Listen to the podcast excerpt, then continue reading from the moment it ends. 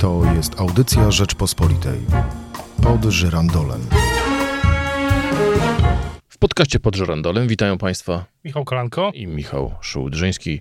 Od dzisiaj, aż do ogłoszenia wyników wyborów prezydenckich, dziennikarze i komentatorzy Rzeczpospolitej będą dla Państwa e, analizować najnowsze i najświeższe wydarzenia kampanijne i zastanawiać się, kto jest bliżej tego, by zasiąść e, pod żyrandolem. Dziś poniedziałek, 22 dzień czerwca.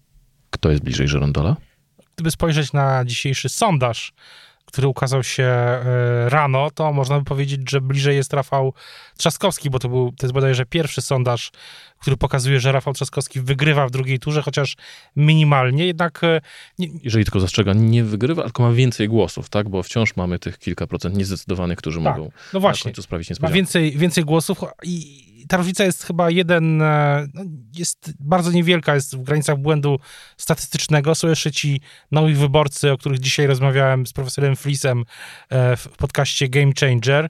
E, Są ci niezdecydowani, więc ta, to jest tylko psychologiczna przewaga, jeśli w ogóle jakakolwiek w, w tym sondażu. No i pytanie, czy takie sondaże nie mobilizują bardziej wyborców Prawa i Sprawiedliwości, bo może to, to przewaga czysto symboliczna czy psychologiczna, ale jedną przewagę dzisiaj Rafał Trzaskowski chyba jednak uzyskał za pomocą decyzji Warszawskiego Sądu Okręgowego. Tak, ja się zastanawiam, nie tylko zresztą ja, kto, znaczy dlaczego, dlaczego czasami, y, dlaczego sztab prezydenta Dudy podejmuje takie, a nie inne decyzje? I kto tak naprawdę y, wpadł na pomysł, żeby pozywać Rafała Trzaskowskiego, bo nie tylko dzisiaj Rafał Trzaskowski wygrał, ale też y, cały czas krąży ten temat bezrobocia. I to się wbija w tą główną taką oś, o której mówi, oś narracyjną, o której mówi na przykład premier Mateusz Morawiecki, czyli że było, to- jest tak dobrze, że był super że że rząd bardzo dobrze poradził sobie z walką z kryzysem po epidemii koronawirusa. Dzisiaj był nawet taki specjalny, jak to się ładnie mówi, event i, i podtrzymywanie tego tematu w mediach, że jest milion, obecnie ponad milion bezrobotnych, to dla, dla Prawa i Sprawiedliwości dobre nie jest. To dlatego premier mówił, uratowaliśmy 5 milionów miejsc pracy, a właściwie premier powiedział, to nie myśmy uratowali, to Andrzej Duda uratował 5 milionów miejsc pracy. Tak, no ktoś to już zauważył. Przysięgam, że nie pamiętam, w którym tekście to czytałem, że od ostatnie miesiące to jest próba robienia z prezydenta Dudy superprezydenta przez e, PiS. I w ogóle też zwróćmy uwagę, jak bardzo te, ta kampania się różni od tej, o której myśleliśmy, że będzie, bo to nie jest kampania, w której wydawało się, że będzie prezydent Duda za wszelką cenę się odspa, będzie próbował się od, odbić od PiSu. Tymczasem wszystko, wszystko toczy się wokół tego, by pokazać, że tylko on jest dobrze w stanie z PiSem współpracować. Ja nie, nie spodziewałem się, że tak to będzie mm, wyglądało. Też nie spodziewałem się, że będą padać takie słowa z ust prezydenta, jak ta, te wczorajsze, które e, w jakiś taki dosyć e, zaowalowany sposób, e, taki dosyć dziwny, szczerze mówiąc, porównał efekty koronawirusa, epidemii gospodarcze do efektów rządów Platformy i PSL. To tą wypowiedź zanalizujmy za moment, ale teraz chciałem cię zapytać, czy to znaczy, że to budowanie wizerunku prezydenta jest świadome, bo rzeczywiście premier Morawiecki mówił dzisiaj, e, licytował, mówił najpierw o kapitanie drużyny, potem mówił o trenerze drużyny, a potem mówił o politycznym przywódcy, e, który jest, e, którym jest Andrzej Duda. Czy to znaczy, że mm, wyborcy Prawa i Sprawiedliwości wierzą w to, że Andrzej Duda jest politykiem samodzielnym i to on stoi na czele tego obozu, a nie, że jest no, jednym z polityków tego, te, te, tej, tej frakcji? trudno, trudno, trudno powiedzieć. Wydaje się, że, że wyborcy prezydenta na pewno zapomnieli o tym, co miało być e, kłopotem też dla Andrzeja Dudy, czyli o tych podwójnych wetach prezydenckich, e, o tym, że które nie akceptowali chyba jedna trzecia, mniej więcej pamiętam taki sondaż u nas kilka już ładnych, kilka lat temu już, tak, w 2017 roku, że około jedna trzecia wyborców PiS wtedy nie akceptowała tych podwójnych wet do ustaw sądowych, że y, też sprawa Antoniego Macierewicza, y, w ogóle to, że ten konflikt, który doprowadził do dymisji byłego ministra obrony, też w ogóle chyba już wyborcy PiS o tym y, zapomnieli. No, ja się zastanawiam, na ile mm, wyborcy tacy mniej zaangażowani przekonuje ich argument, że, że trzeba wybrać prezydenta, żeby była dobra współpraca, bo, bo niektórych może po prostu ten argument mm, nie, nie za bardzo mm, interesować. Ale czy to jest tak, że rzeczywiście wyborcy y, szukają spójności? Bo podczas słynnej debaty prezydent mówił tak, wetowałem aż dziewięć razy, z czego y, zawetowałem kilka ustaw przesłanych mi przez rząd Prawa i Sprawiedliwości, ale równocześnie w przekazie polityków Prawa i Sprawiedliwości, przede wszystkim w przekazach premiera Morawieckiego słyszymy tylko i wyłącznie Andrzej Duda, to przywódca naszego e, obozu politycznego. To nie, tu nie ma tu sprzeczności? Jest, jest sprzeczność też w tym, co e, jest, jest, wydaje się, sprzeczność, tak samo jak e, ja mam w ogóle wrażenie, że ta kampania PiS nie jest e, mm, najlepsza, albo nawet więcej. Wydaje mi się, że ona po prostu na tle tych wszystkich czterech innych kampanii PiSu, e, trzech z przedostatnich lat, od 2018, jest generalnie e, słaba jest wtórna, jest posklejana z różnych tam, z różnych kawałków i e, dziwię się, że, wracając do tego pozwu, no dziwię się jednak, że ten pozew został złożony. To tak, e, wydaje się, że, że, że to bardzo taki ruch, e, no, typowy bardziej dla Platformy kiedyś niż dla PiSu.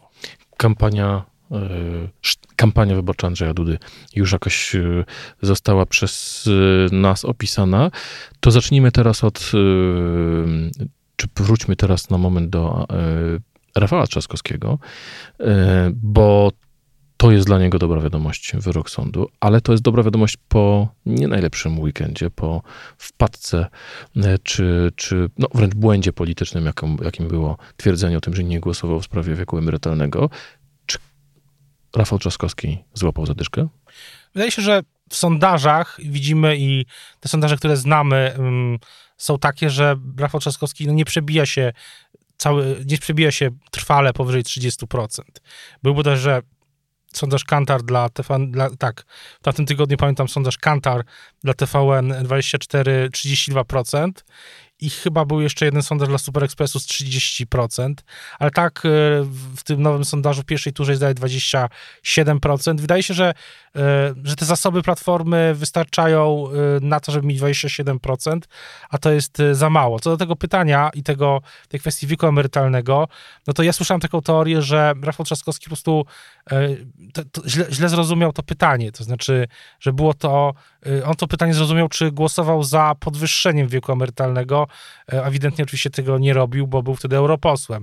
E, no ale mleko się to bez znaczenia, mleko się rozlało. I też mam wrażenie, co, co dzisiaj powiedział mi jeden z polityków e, opozycji spoza Platformy, że się trochę dziwi, że Rafał Trzaskowski nie był dobrze przygotowany na pytanie, które było jasne, że padnie i czy w debacie, czy od kogoś y, na trasie, czy od dziennikarza TVP Info, y, nie był dobrze przygotowany i nieważne, czy źle zrozumiał, czy nie zrozumiał, powinien mieć wykutą odpowiedź dotyczącą wieku emerytalnego. Powinien pamiętać drobiazgowo, co, co, co robił, y, dlaczego, czy głosował, czy nie głosował i dlaczego.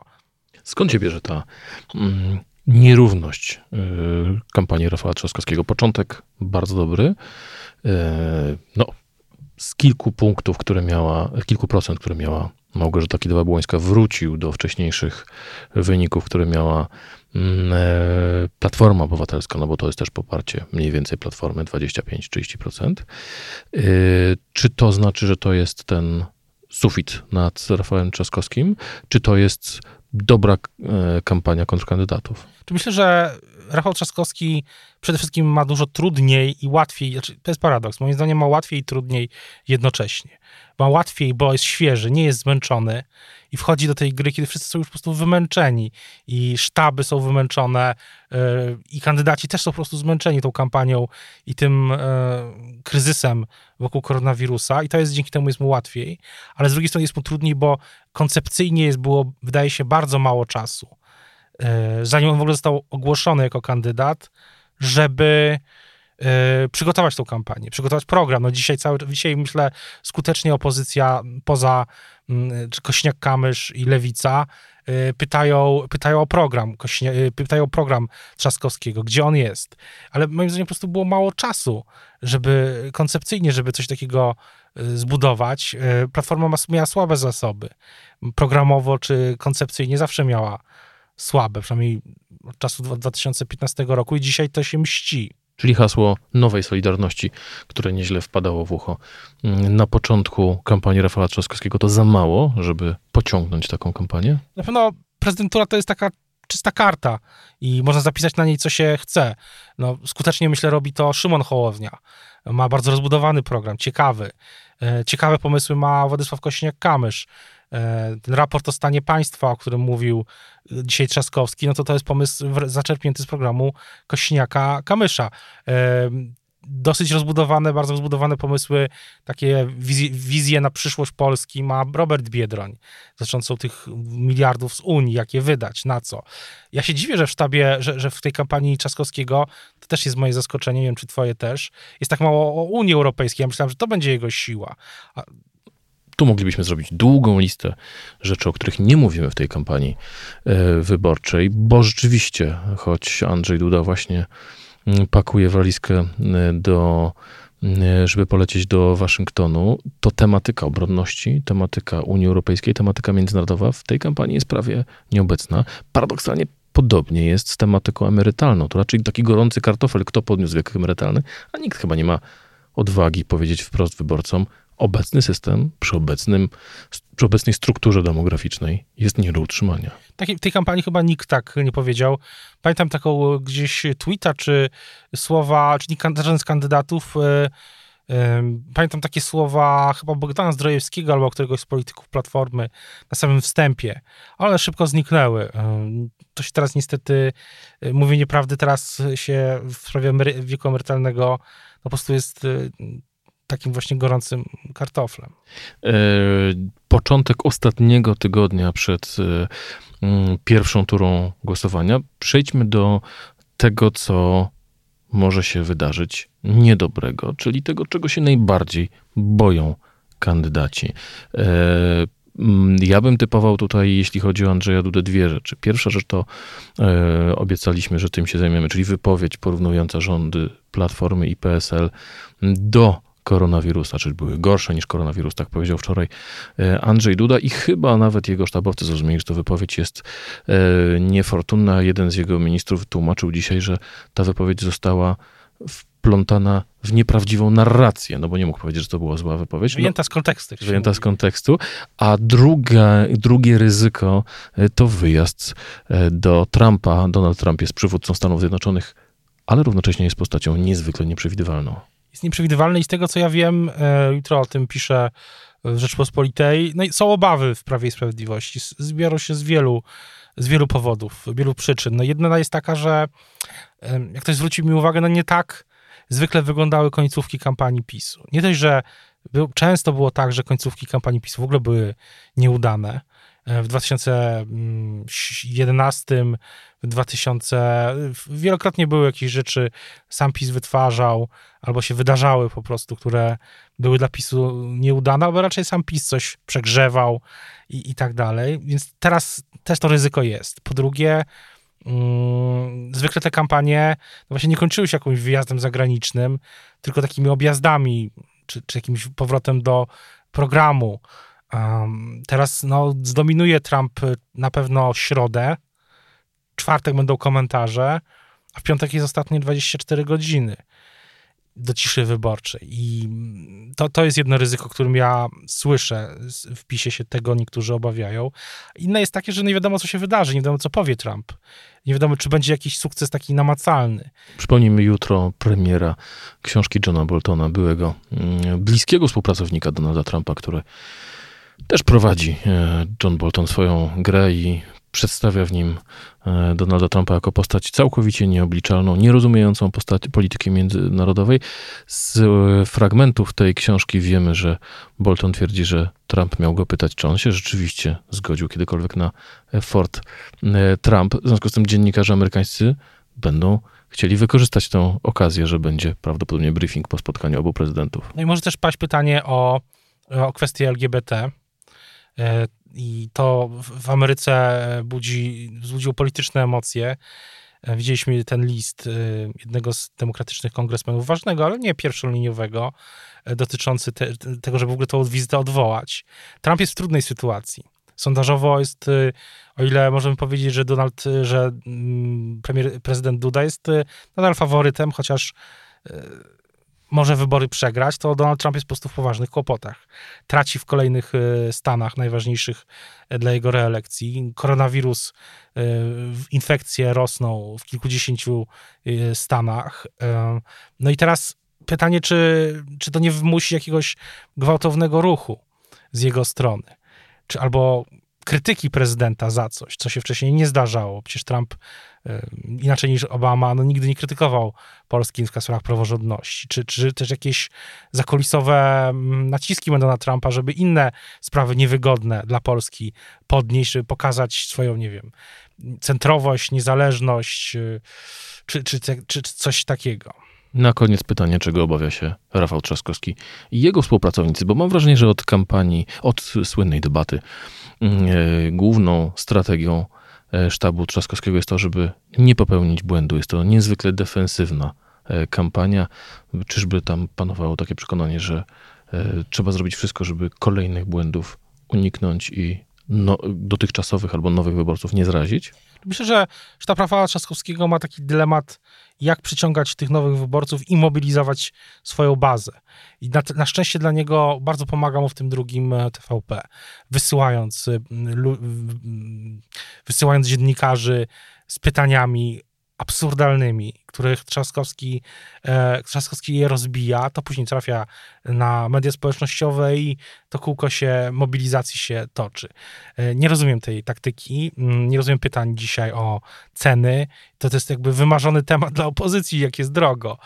E, a z drugiej strony, no musi wysyłać Trzaskowski te sygnały do wyborców e, umiarkowanych, żeby ich albo przyciągnąć, albo co najwyżej zdemobilizować. Dlatego powoływanie się na Lecha Kaczyńskiego, dlatego w debacie mówił, że katecheta jego mm, wartości wpajał. Ja to zapamiętałem. I, I, wydaje się, że ten tydzień będzie takim, będzie chyba e, takim cały czas takim balansem.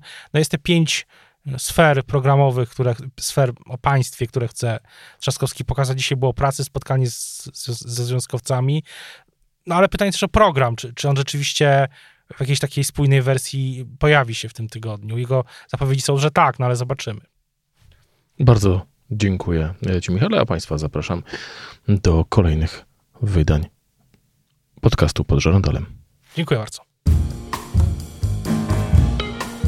To była audycja Rzeczpospolitej pod żerandolem.